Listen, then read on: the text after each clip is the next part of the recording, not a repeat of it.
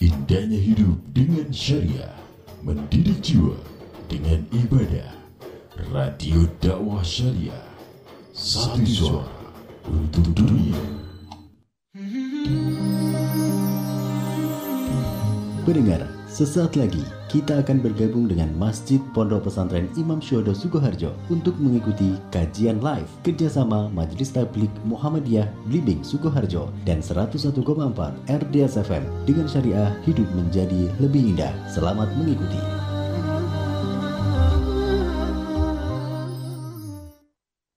Pagi hari yang cerah ini kita diberikan kenikmatan, kesehatan, kesempatan untuk talabul ilmi pada pagi hari ini yang diselenggarakan oleh Majelis Tabligh Muhammadiyah Cabang Limbing Daerah Sukoharjo.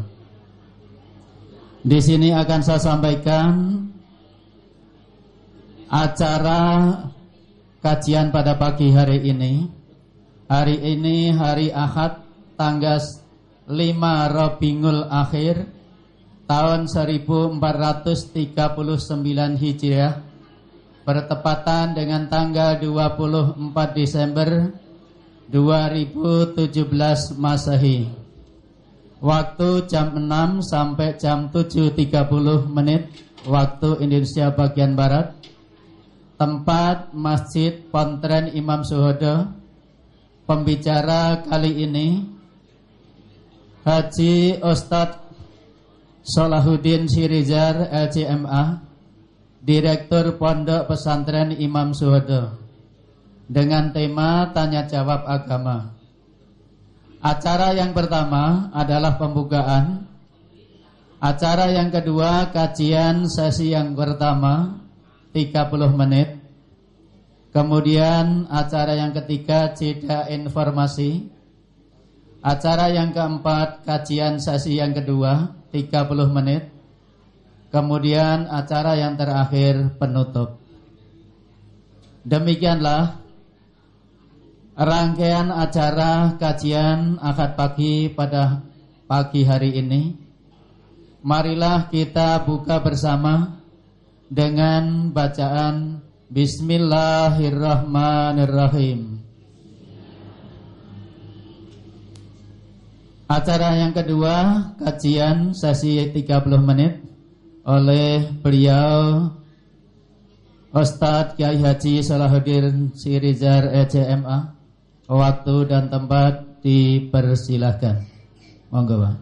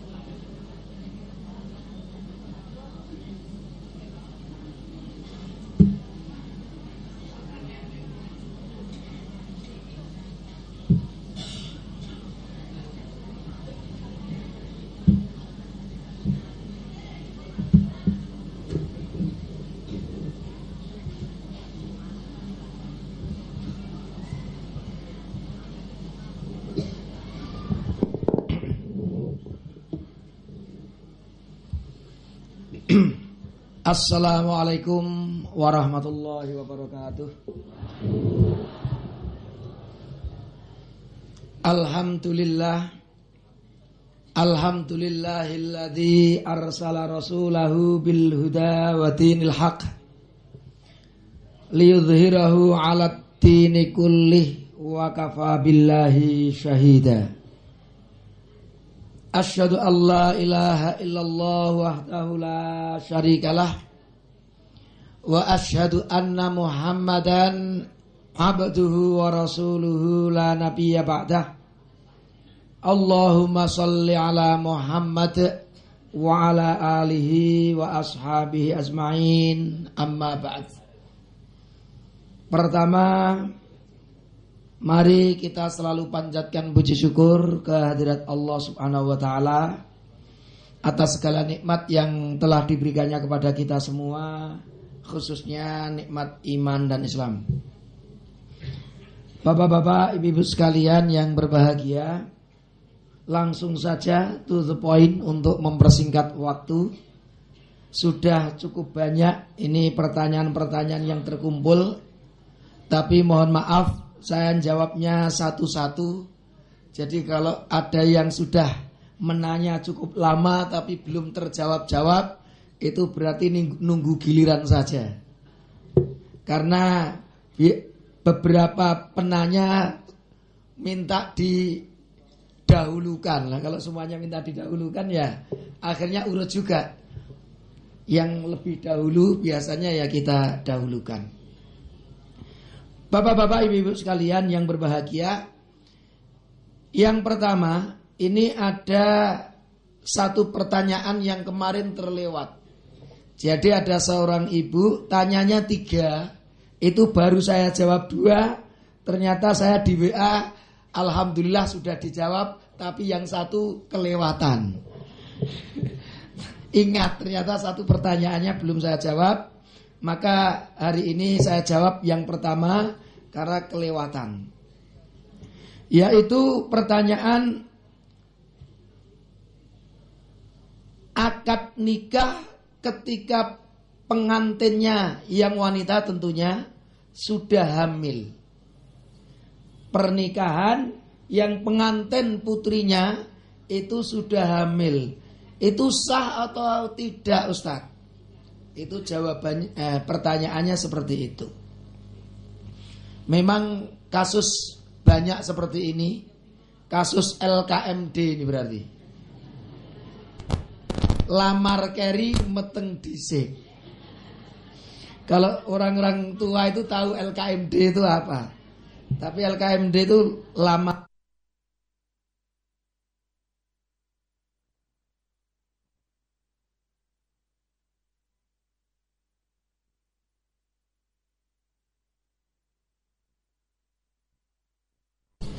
pernikahan yang pengantin putrinya itu sudah hamil. Itu sah atau tidak Ustaz? Itu jawabannya eh, pertanyaannya seperti itu. Memang kasus banyak seperti ini. Kasus LKMD ini berarti.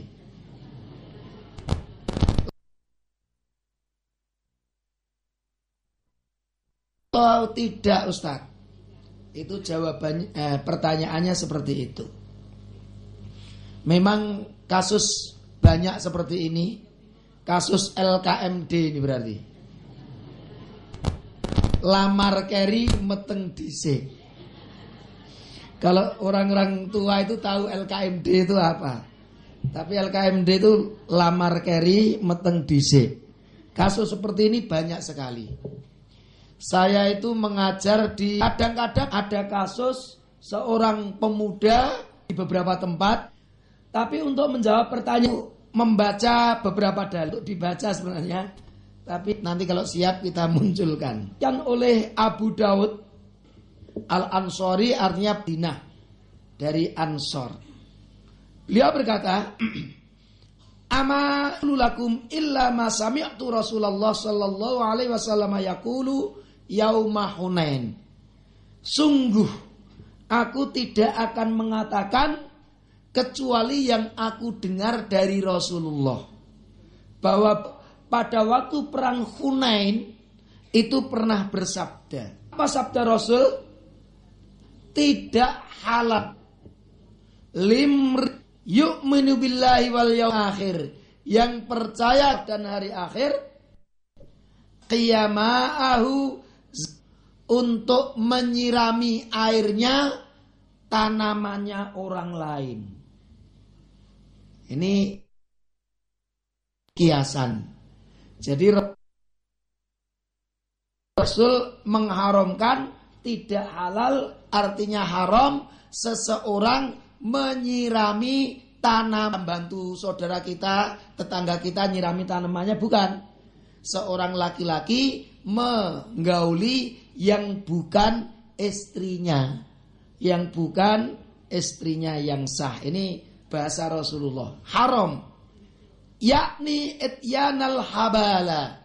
Yang dimaksud, ini jadi sahabat tadi menjelaskan, yakni yang dimaksud dari sabda Rasul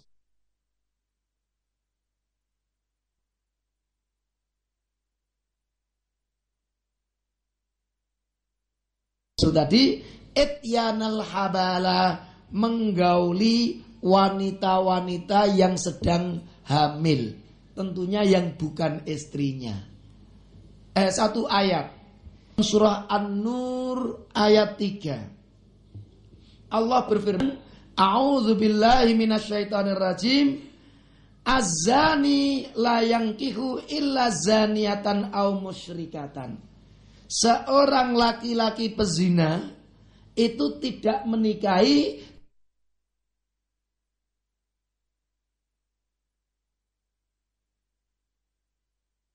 kecuali juga wanita-wanita pezina atau wanita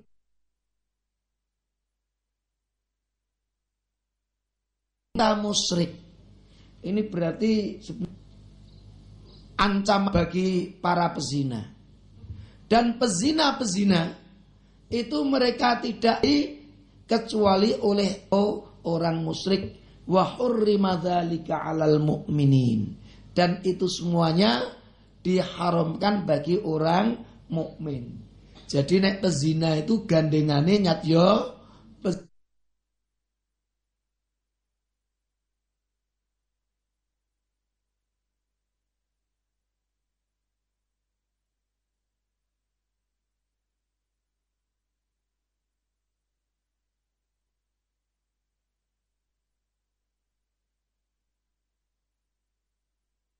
zina tidak halal bagi orang mukmin. Para ulama memperkecualikan kecuali bagi mereka yang sudah ber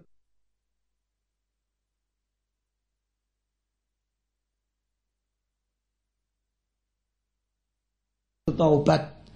Karena kalau bertaubat maka sudah oleh orang mukmin. Seperti PS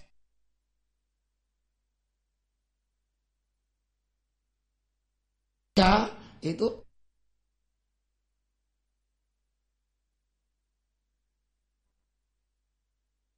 Dari hadis ini kesannya sama-sama pezina kan? Laki-laki seperti ini. Secara uh,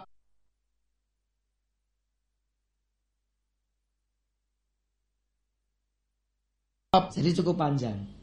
Maka kalau laki-laki itu bukan yang menghamilinya di luar nikah. Ini kalau bukan yang menghamilinya, maka pernikahannya jadi kalau si A menghamili si B, kok yang menikahi si C? Lah ini per, pernikahan yang tidak sah. Ketika wanita hamil kemudian dinikahi. Lah bagaimana caranya? Ya sudah diperbarui. Nanti kalau si wanita itu sudah melahirkan, maka si C tadi memperbarui pernikahannya. Itu kalau laki-laki itu bukan yang menghamilinya. Lalu bagaimana kalau yang menikahi adalah laki-laki yang menghamilinya? Dia bertanggung jawab terhadap apa itu akibatnya itu kira-kira begitu. Di sini ternyata para ulama berbeda pendapat. Intinya ada dua. Yang pertama, ini difatwakan oleh ulama-ulama Syafi'iyah dan ini sudah masuk ke kompilasi hukum Islam dan ini diterapkan di Indonesia di KUA kita. Yaitu kalau laki-laki tersebut adalah yang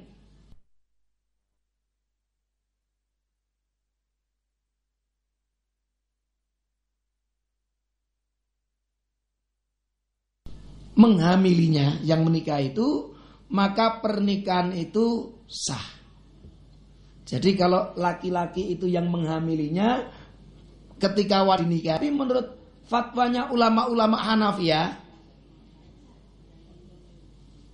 pernikahan itu dianggap tidak sah dan pernikahan itu harus diperbaharui setelah wanita itu melahirkan. Ini kalau kita lihat dari sisi dalil yang lebih kuat memang yang pertama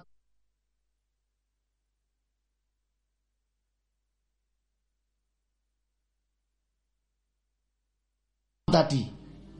Karena memang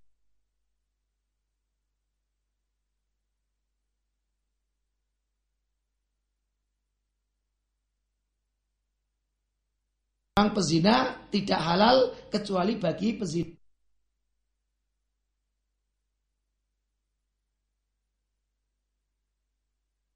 Buat memang nah wanita ini jadi sekufu memperhatikan fatwa yang kedua buat memang yang pertama tadi. Karena memang memang pezina tidak halal ulama-ulama Hanafiyah tadi. Supaya cara di wanita itu hamil eh sen,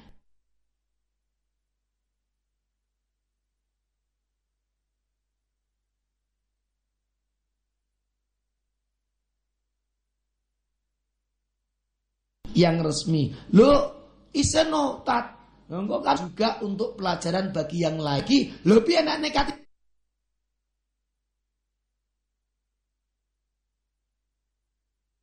Itu tadi. Memang fatwanya ulama-ulama syafi'iyah itu sah. Dilan agama di negara kita. Seperti itu.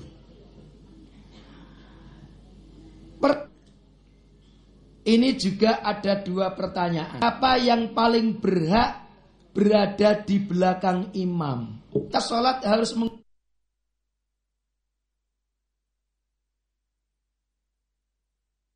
menggunakan sutra. Sutra ini apa? Nah, nanti kita bahas berarti. Yang pertama dulu, siapa yang paling berhak di belakang imam? Langsung saja ini karena sholat ya kita butuh dalilnya. Ada satu hadis yang diriwayatkan oleh Imam Muslim dari Abi Mas'ud. Beliau berkata bahwa Rasulullah itu pernah bersabda,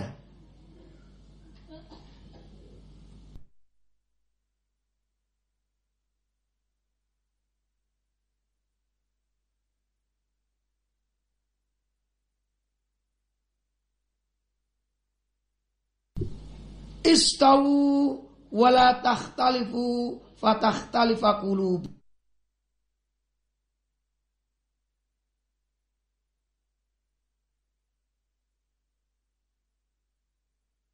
Hukum. Luruskanlah soft kalian dan janganlah kalian lialini minkum ulul ahlami dan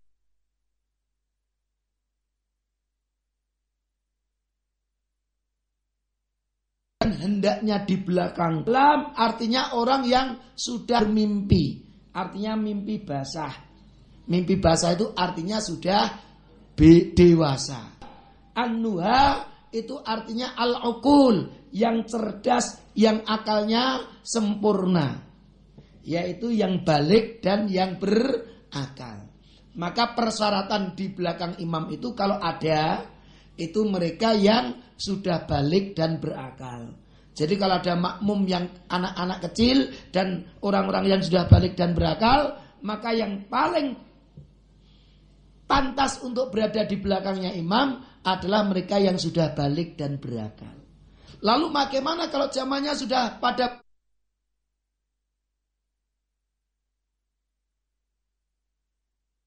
balik dan berakal seperti jamaah yang ada di masjid ini? Maka para ulama membuat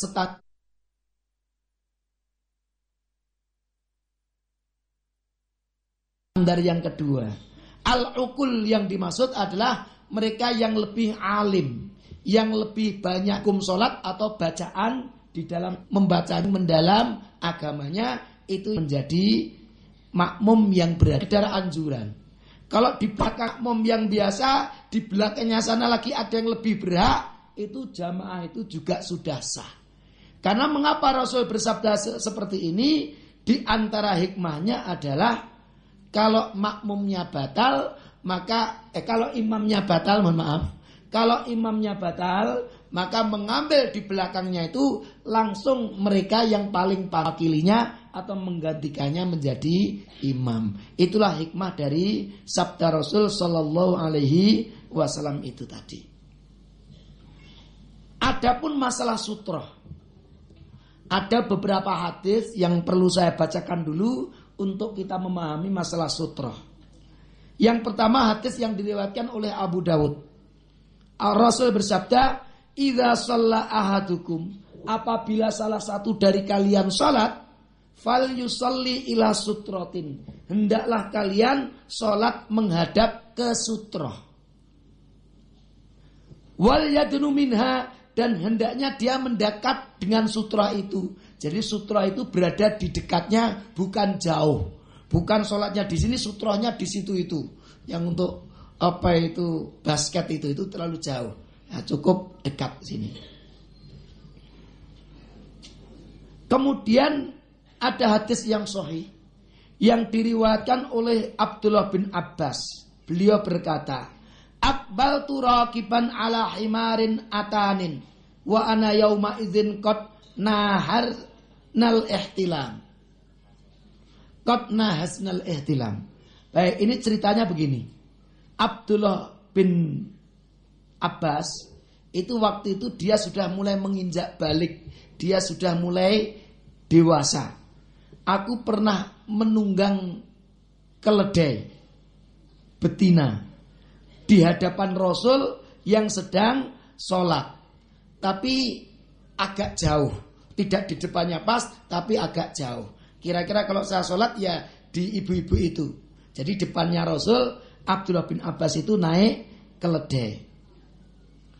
Wa Rasulullah yusalli bimina dan waktu itu Rasulullah sholat di Mina tanpa menghadap dinding seperti sholat id kita itu tidak menghadap ke dinding. Tapi kalau di masjid itu biasanya menghadap ke dinding. Ya tertutup seperti itu. Itu langsung menjadi sutrohnya. Dan ternyata tidak ada yang menegurnya tidak ada yang menjelaskannya termasuk Rasulullah Shallallahu Alaihi Wasallam. Jadi Abdullah bin Abbas pernah lewat naik ke ledai di hadapan Rasul tapi tidak di depannya langsung agak jauh sedikit dan Rasul ternyata tidak menegurnya atau tidak menyalahkannya. Kemudian hadis yang ketiga, hadis sahih. Idza shalla ahadukum ila syai'in yasturuhu Apabila salah satu kalian sholat menghadap sesuatu yang membatasinya, fa'arada ahadun. Kalau ada seseorang yang nekat melewatinya, fal yadfa'hu. Hendaknya dia tolak, dia halangi. Ini bagi yang melewatinya dekat. Kira-kira sedepo, searah, se, sebatas tempat sujud kita itu. Kok melewati di depan kita sangat dekat, itu hendaknya kita tahan. Jangan sampai lewat di depan kita. Tapi ada hadis yang lain. Anna Rasulullah sallallahu alaihi wasallam shalla fi laisa baina yadayhi syai'un. Rasul itu pernah sholat di tanah lapang dan di hadapannya tidak ada sesuatu pun. Itu juga dari Abdullah bin Abbas. Jadi Rasul juga pernah sholat di padang luas tidak ada pembatas atau tidak ada sutrohnya. Dan ada hadis yang terakhir saja saya bacakan ini. Karena cukup banyak hadis yang terkait dengan ini. Lau ya'lamul marru baina yadail musalli maza alaihi. Kalau orang yang berjalan di hadapan orang yang sholat itu tahu apa yang menimpanya. Kalau dia nekat berjalan di depan yang sholat lakana an yakifa arba'ina. Pasti dia lebih memilih untuk diam tidak melewatinya selama 40. Para ulama menafsirkannya yang dimaksud 40 tahun. Jadi daripada melewati temannya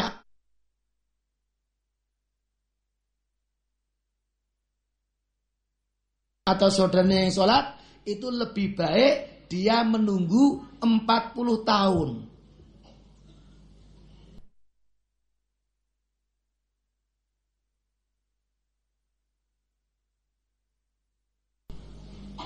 Kalau dia tahu resiko menyengajati saudaranya yang sedang khairan, itu menunggu 40 tahun itu lebih baik baginya min an yamurro melewatinya. Bahkan di dalam riwayat yang lalu hendaknya fal yuqatil lawan fa innahu syaitonun karena dia adalah setan. Wes di apa itu kasih tanda dihalangi tetap nekat itu dilawan karena dia saat itu adalah setan. Hadirun hadirat sekalian yang berbahagia, memang ada riwayat Rasul sholat menghadap sutroh. Sutroh itu biasanya sesuatu yang seperti tombak atau dipan sesuatu yang dipancangkan. Itu juga sutroh. Tapi kita juga sekarang itu menggunakan sutroh yang tidak naik, tapi melebar seperti pakai sajadah. Nah, sajadah itu sebenarnya juga bisa dipahami sutroh. Kalau ada orang sholat dengan sajadah, ya kalau kita melewati, ya di luar sajadah itu, bukan di sajadahnya.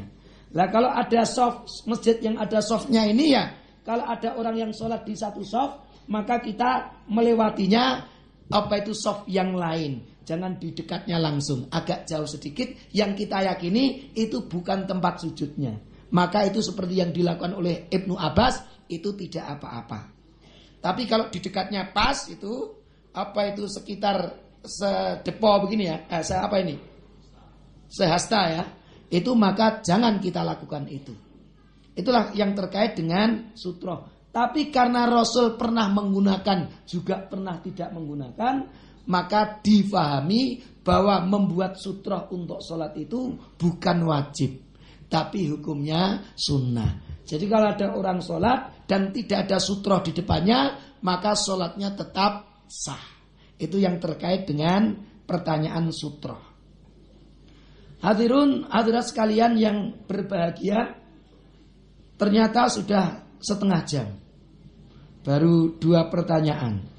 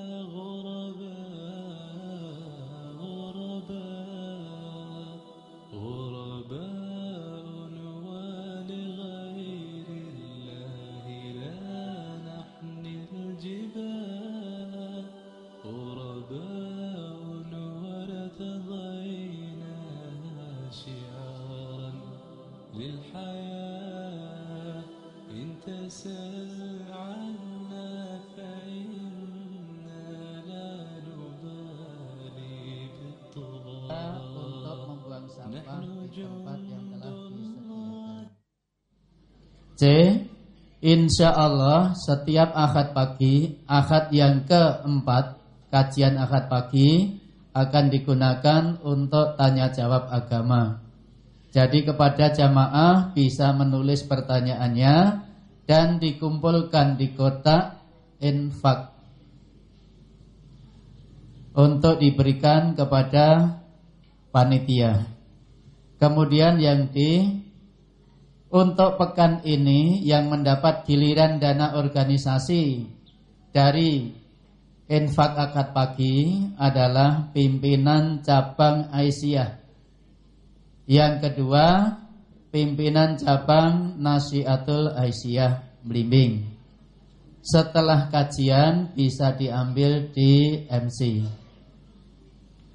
Informasi yang kelima atau E bagi jamaah yang menghendaki stempel majelis tablik untuk keperluan tugas sekolah atau dinas bisa menghubungi Mas Khalif di meja presentasi depan gerbang. Kemudian informasi selanjutnya yang keenam, bagi guru karyawan amal usaha Muhammadiyah pendidikan dipersilahkan untuk mengisi daftar hadir pengajian yang sudah disediakan di depan gerbang masuk. Kemudian informasi pengajian Ahad pagi pekan depan tanggal hari Ahad tanggal 31 Desember 2017 atau edisi yang ke-38 pembicara Ustadz Kiai Haji Yunus Muhammadi Ketua Himpunan Pesantren Muhammadiyah mengambil tema setiap jadi yang lain. Informasi yang terakhir, Pinan Ranting yang menghendaya mata Hari Hawi Nasional bisa hadir di Gor Badminton Pondok Imam Suhodo. Demikianlah informasi yang disampaikan pada pagi hari ini. Mudah-mudahan mendapatkan respon yang positif. Terima kasih. Untuk selanjutnya kajian sesi yang kedua kami serahkan pada beliau Bapak Kiai Haji Salahuddin Sirejar ECMA. Monggo. Baik, langsung saja pertanyaan yang ketiga. Maaf Ustadz, langsung saja saya mau tanya nih tentang sholat. Apakah mengurangi pahala kita jika sikap kita saat sholat kurang sempurna. Seperti pada tahiyat akhir, jari-jari kaki kita terlebih ibu jari kaki kita tidak memancat menghadap ke arah kiblat. Padahal kita mudah melakukannya. Bapak-bapak, ibu-ibu sekalian yang berbahagia, ini pertanyaan masalah sholat, ini pertanyaan yang memang sangat banyak sekali. Karena memang kalau kita perhatikan Rasul itu bersabda Sallu kama ra'aitumuni usolli Salatlah kalian seperti kalian melihatku sholat Maka memang untuk masalah sholat itu kita harus melihat apa yang dicontohkan oleh Rasul. Jadi Rasul sebenarnya mencontohkan kepada para sahabat. Tapi bapak-bapak, ibu-ibu kita membayangkan. Kalau umpamanya Rasul ada di hadapan kita, kemudian beliau sholat, kemudian bersabda, kamu sholatlah seperti kamu melihat saya sholat. Itu ketika panjenengan ngeriwayat kayak apa itu kasus yang panjenengan lihat tentang sholatnya Rasul, kadang-kadang konsentrasinya beda-beda. Ada bacaannya, ada gerakan-gerakannya, oh begini-begini. Itulah yang menjadikan mengapa banyak sekali ragam yang terkait dengan ibadah sholat itu. Karena dulu nggak ada video. Kalau ada video itu selesai. Oh itu loh, caranya seperti itu loh. Di bulan baleni iso. Tapi Rasul kan sekali dua kali me mencontohkan itu orang yang memperhatikan pen banget tuh kan 100% kan ya Maka satu mungkin konsentrasinya gerakannya, ada konsentrasinya pas sujud, pas duduk, itu yang menjadikan hadis itu banyak sekali. Intinya begini. Meskipun Rasul mencontohkan satu, tapi para ulama sudah berfatwa tentang sholat itu banyak hal. Ini pentingnya kita belajar karena para ulama membahas sholat itu dalam rangka untuk menyederhanakan umat Islam memahami bagaimana salat sholat yang terbaik yang sesuai dengan yang dicontohkan oleh Rasul. Maka kalau kita singkat, kalau kita berbicara tentang ibadah sholat, nanti para ulama sudah memberikan kriteria beberapa hal yang terkait dengan sholat. Yang pertama syarat-syarat wajibnya sholat. Kapan seseorang itu wajib sholat? Syarat-syarat sahnya sholat. Kapan seseorang sholatnya dianggap sah? Kemudian membahas rukun-rukun sholat. Ini yang di dalam perbuatan sholat dari takbiratul ikhram sampai salam yang terkait dengan bacaan dan gerakan itu apa yang harus dilakukan.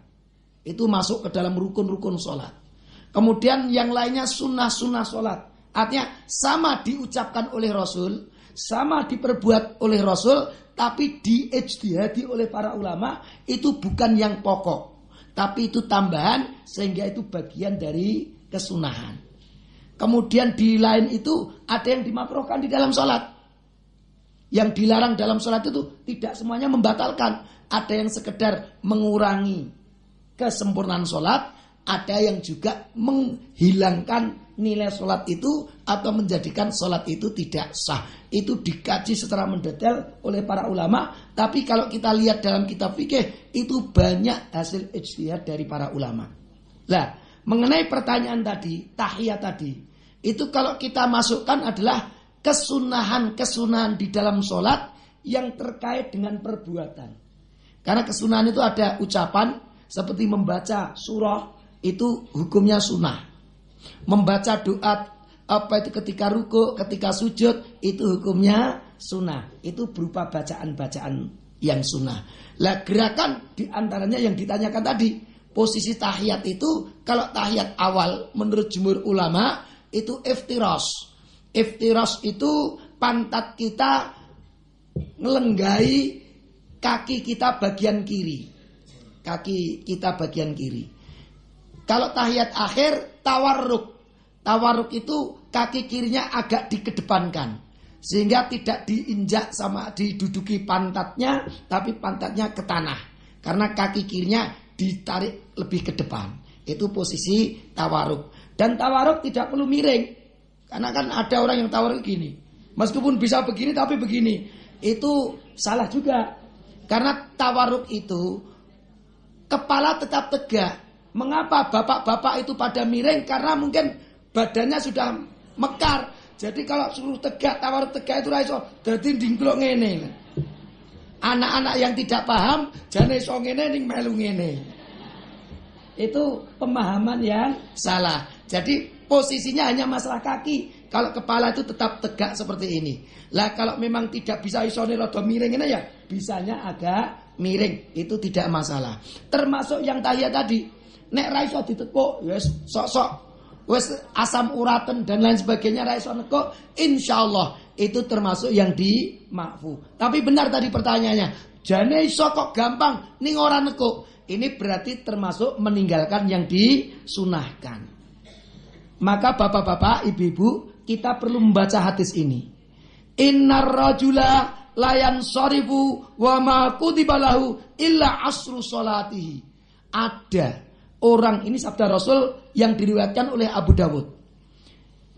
Sesungguhnya ketika seseorang itu selesai dari sholatnya, ada di antara mereka itu yang dicatat pahalanya itu hanya usru sholatihi pahalanya gur seper sepuluh. Coro-corane nilai satu gur nilainya gur sepuluh. Wa tusu'uha sepersembilannya, ada yang seperdelapan, ada yang sepertujuh, sudusuha, ada yang seperenam, humusuha, ada yang seperlima, rubu'uha, ada yang seperempat, sulusuha, ada yang sepertiga nilai sholatnya, nisfuha. Ada juga yang pahalanya hanya separuh sholat. Di sinilah pentingnya kita ketika sholat itu benar-benar sempurna. Mungkin sulit kita mendapatkan sholat, nilai sholat itu 100. Seperti anak-anak kita kon golek apa itu nilai 100 yo angel tenan, tapi tetap berusaha mencari nilai 100 tadi. Pertanyaan tadi juga menuju ke 100, tapi tidak hanya masalah itu saja, masih banyak sekali permasalahan yang terkait supaya sholat kita ini nilainya 100. Di situlah pentingnya kita belajar ilmu sholat itu dari A sampai Z. Jangan setengah-setengah. Karena kalau setengah-setengah, jangan-jangan sholat kita itu janjinya goreng untuk sepersepuluh etok. Tapi yang semakin paham dan melaksanakan sholat sesuai apa yang dipahami, insya Allah kualitas nilai atau pahala sholatnya akan semakin bertambah. Di sinilah pentingnya kita terus belajar ilmu sholat. Saya ngajar di apa itu masjid sayangan itu bab sholat itu sekitar 2 tahun sampai 3 tahun baru selesai membahas bab sholat itu.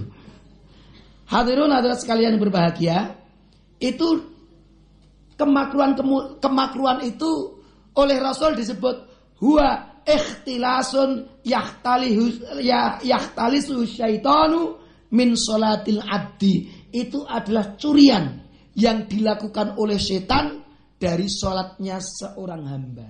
Maka setan itu memang dengki dengan kita. Tidak mau sholat kita itu sempurna, mulai digoda, nek wes digoda supaya ora sholat tetap sholat, maka ketika sholat digoda supaya sholat kita tidak sempurna. Maka, maka mari kita terus belajar dan mempraktekkan apa yang sudah kita pahami. Jadi insya Allah pertanyaan tadi, kalau dia tidak mampu, insya Allah sholatnya tidak terkurangi pahalanya.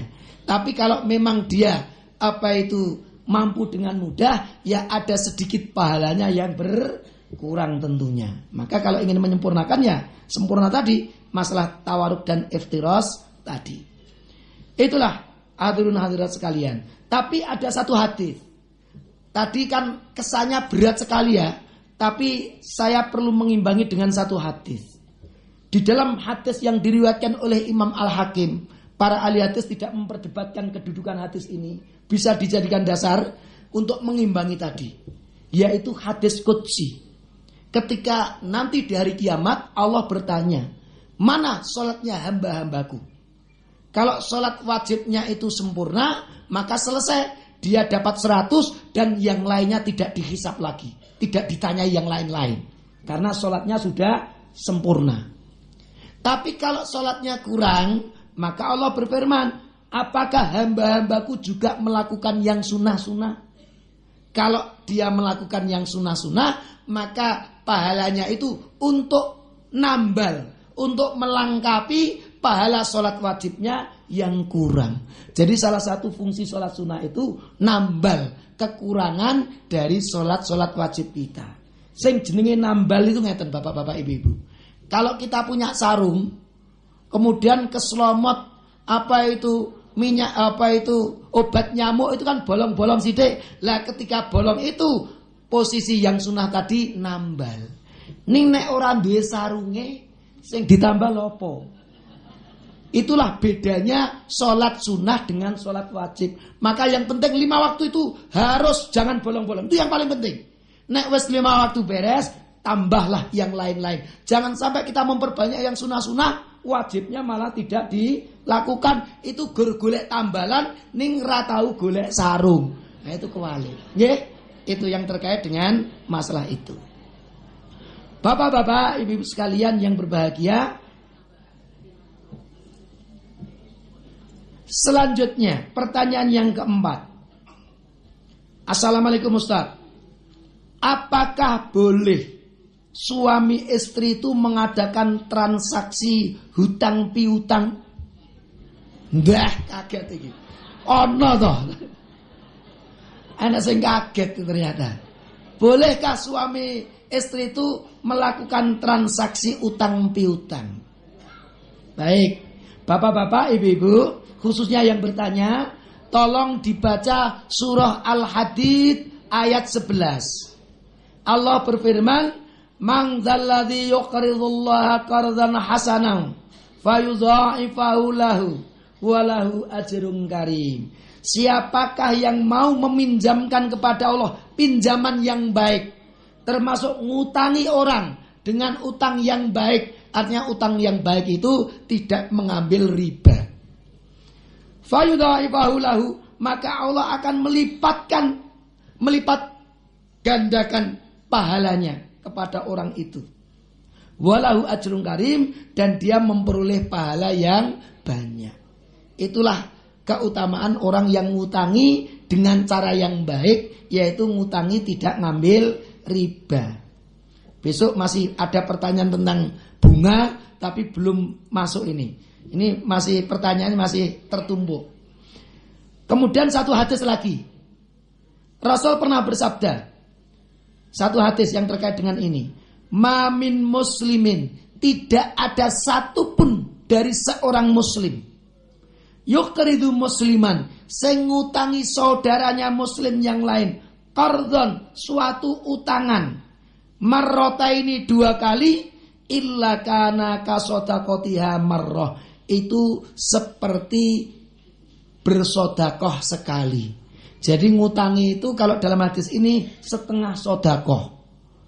Kalau sodakoh kan diberikan. Kalau ngutangi diberikan, gue bantu, tapi dalam waktu yang ditentukan dikembalikan. Itu ternyata nilai pahalanya setengah dari sodakoh. Yo nek rung sodakoh paling tidak ngutangi. Nah, ngutangi dengan yang baik. Nah, itu bagian dari membantu saudaranya. Dua kali ngutangi itu sama dengan sodako. Hitungan matematis. Tapi intinya sodako dan ngutangi untuk membantu saudaranya itu juga bagian dari kebaikan. Ning sing diutangi ya ngemplang.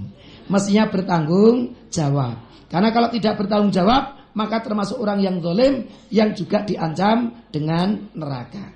Bapak-bapak, ibu-ibu, intinya saja dari dua hadis itu tadi bisa kita ambil kesimpulan bahwa utang piutang itu perkara yang mubah, boleh dilakukan. Bahkan kalau tujuannya untuk membantu itu bisa menjadi sunnah.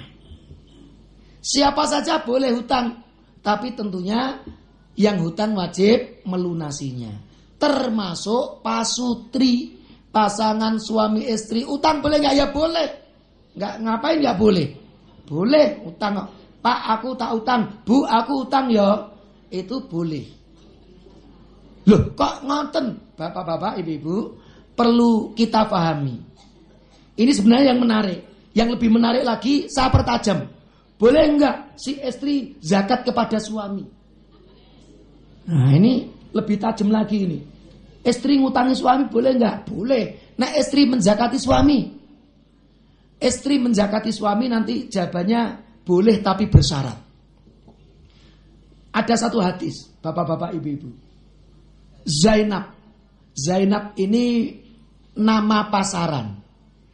Putrinya Rasul juga salah satunya bernama Zainab. Dan salah satu Zainab itu adalah istrinya Abdullah bin Mas'ud. Ketika Rasul mengancam wanita yang punya emas-emasan tapi dia tidak zakat, maka nanti akan emas-emasnya nanti menjadi api di neraka yang akan menyiksanya di di neraka. Maka Zainab istrinya Ibnu Mas'ud itu gage-gage untuk menzakati perhiasannya. Tapi ketika mau zakat, dia ketemu dengan suaminya. Eh, mau ngapa? Mau ngapa kamu? Mau zakat ini loh, perhiasan saya. Apa kata Abdullah bin Mas'ud? Aku itu juga punya hak untuk kamu beri zakat. Loh Zainab kaget loh, kowe suamiku kok njaluk zakat itu piye? Maka Zainab datang kepada Rasulullah Shallallahu alaihi wasallam. Wahai Rasul, saya mau zakat tapi suami saya kok bilang dia berhak menerima zakat. Boleh enggak saya berzakat kepada suami saya wahai Rasul? Maka Rasulullah bersabda, hadisnya sahih diriwayatkan oleh Imam Bukhari. Sadaqa Ibnu Mas'ud. Zaujuka wa waladuka ahakum man tasaddaqti bihi alaihim. Apa yang dikatakan oleh Abdullah bin Mas'ud itu benar. Suamimu dan anak-anakmu itu lebih pantas untuk kamu zakati.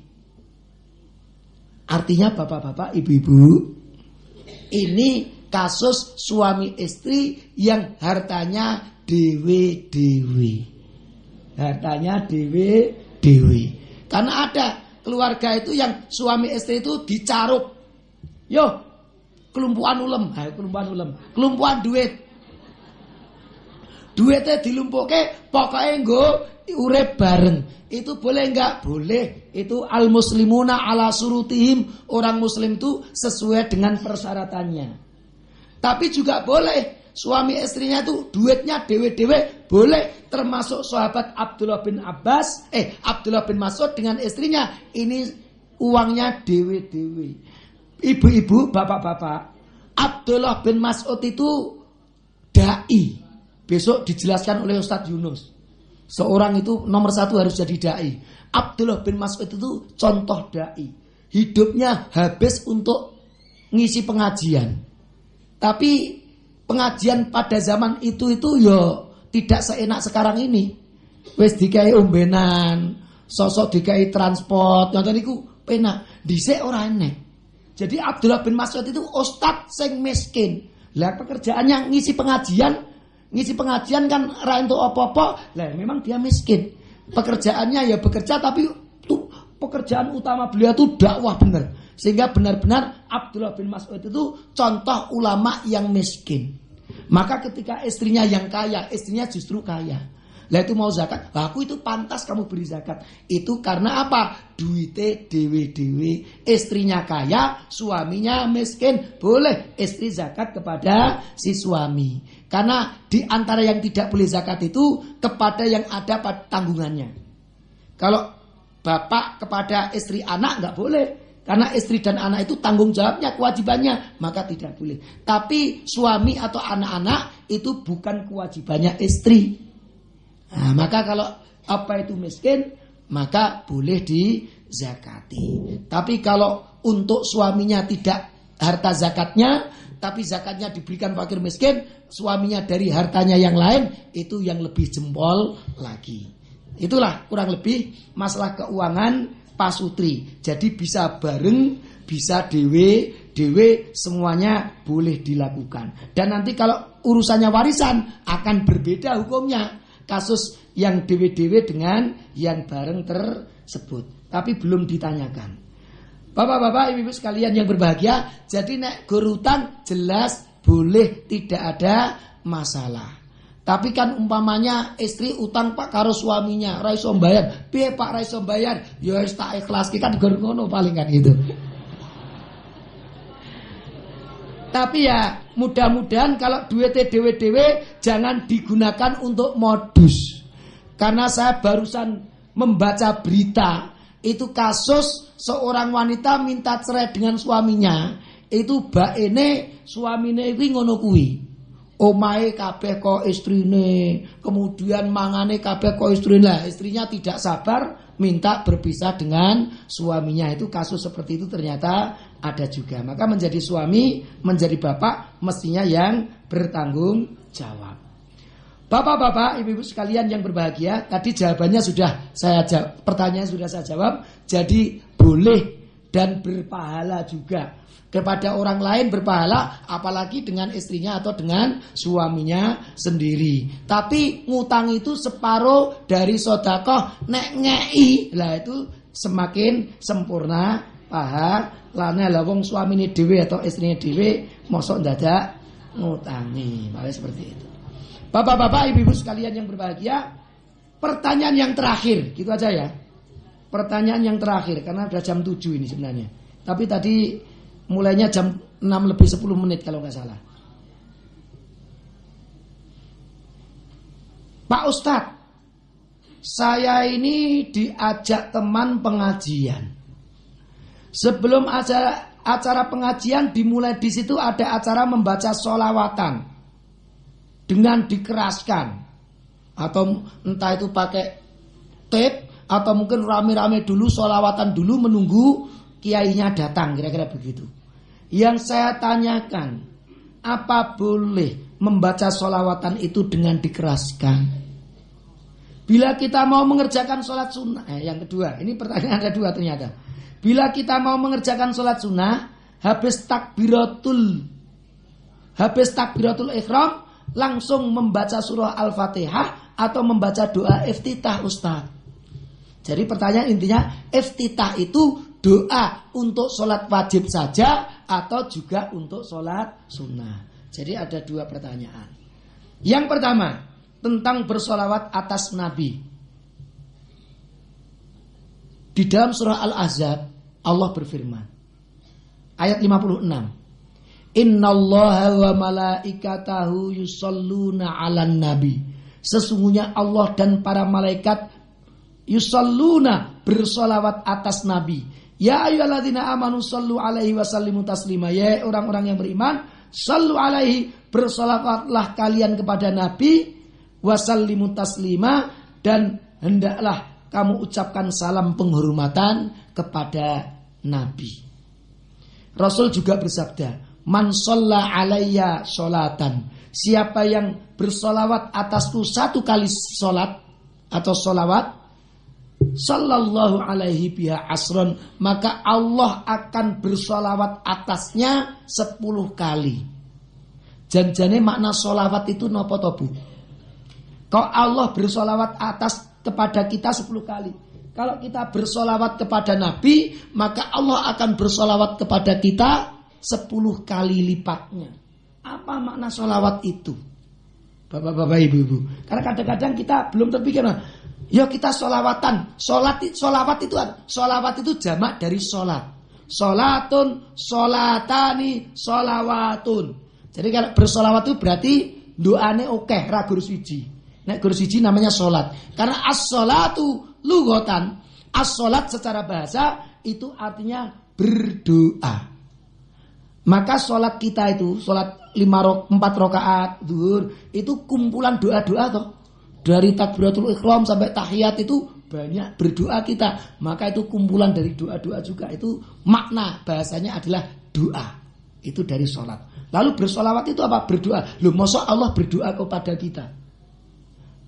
Bapak-bapak, ibu-ibu, As-salat itu kalau dari kita kepada Allah memang itu artinya doa. Tapi kalau salat solawat itu Allah kepada Rasulnya, Allah kepada kita, maka itu yang dimaksud rahmat.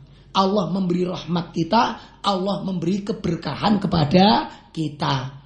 Jadi kalau uh, ini ayatnya kan juga demikian kan apa itu Innallaha wa malaikatahu yusalluna ala nabi. Allah dan para malaikatnya bersolawat atas nabi. Itu bukan berdoa. Tapi yang dimaksud memberikan rahmatnya yang begitu luas kepada nabi. Memberikan begitu banyak keberkahannya kepada Rasulullah Sallallahu Alaihi Wasallam. Bapak-bapak, ibu-ibu. Maka bersolawat. Ini sebenarnya bagian dari ibadah yang khusus. Maka ibadah khusus itu yang lebih baik adalah mencontoh Rasul. Al-ittiba, ini yang utama. Bapak-bapak, ibu-ibu, asal dari membaca sholawat itu adalah sendiri-sendiri tidak berjamaah. Karena Rasul kalau bersolawat ya sendiri. Apakah pernah Rasul anu apa mengajak umatnya yo kita begitu. Saya baca nanti rame-rame diikuti Rasul tidak pernah mengatakan seperti itu bersabda seperti itu.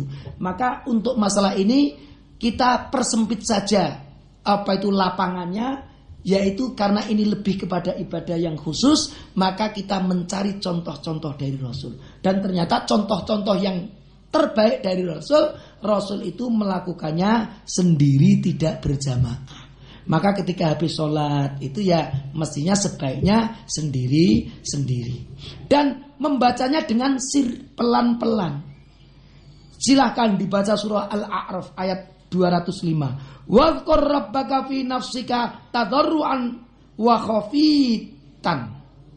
Wa khafi uh, wa wa khifatan.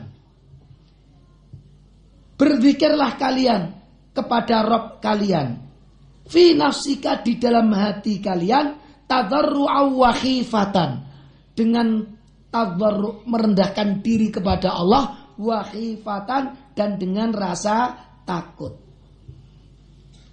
Nah ini wadunal jahri minal kauli dan dengan tidak mengeraskan suaranya. Karena Allah itu maha dekat. Rumah bengok-bengok itu Allah apa tidak dengar. Kita dengan pelan-pelan Allah itu maha mendengar satu miliar orang bersolawat dengan pelan-pelan, semuanya didengarkan oleh Allah. Itulah bedakan bedanya kita dengan Allah. Kita itu bisa mendengar, tapi Allah itu maha mendengar. Kalau ibu-ibu ngomong bareng, saya bingung. Sing di sing oke. Tapi kalau Allah tidak bingung. 10 miliar manusia bareng berdoa kepada Allah semuanya didengar oleh Allah Subhanahu wa taala. Bersolawat semuanya didengar oleh Allah. Termasuk zikir adalah solawat itu.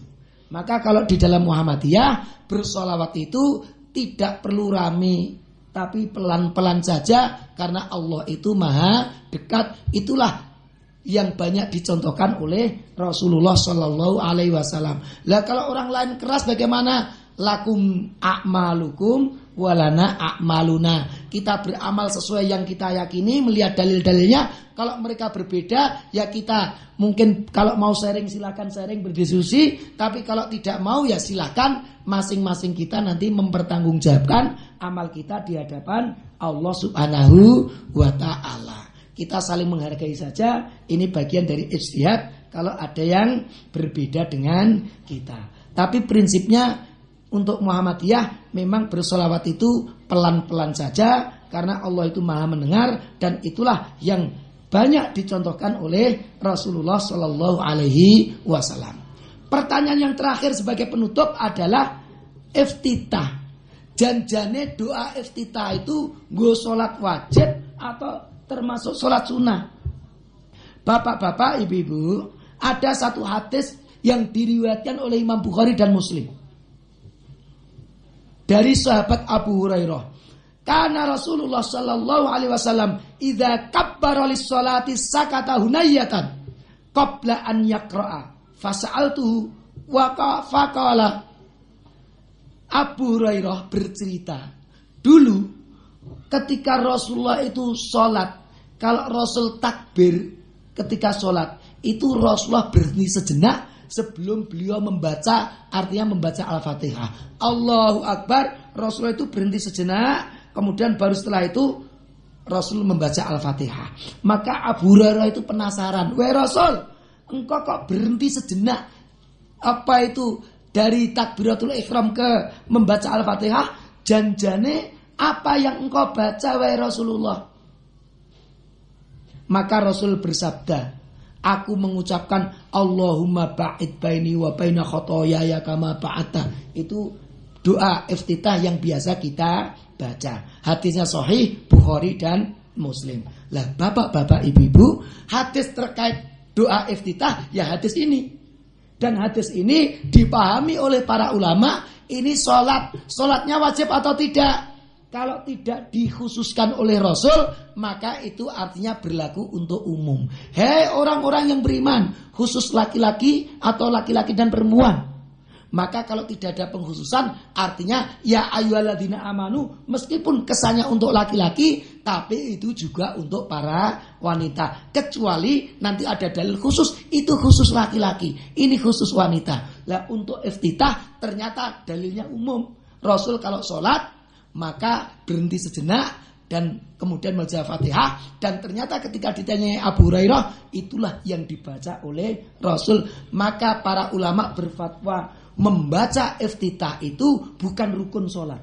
Kalau kita sholat tidak membaca fat iftitah itu sholat kita sah.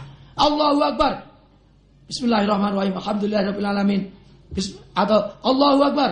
Alhamdulillahirrahmanirrahim Rahmanirrahim langsung Al-Fatihah sholatnya sah.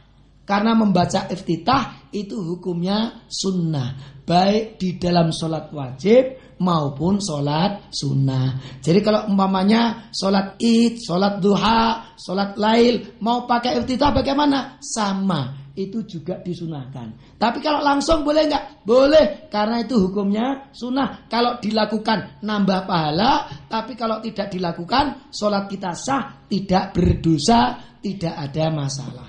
Aku qauli hadza wa astaghfirullah li wa lakum. Wassalamualaikum warahmatullahi wabarakatuh.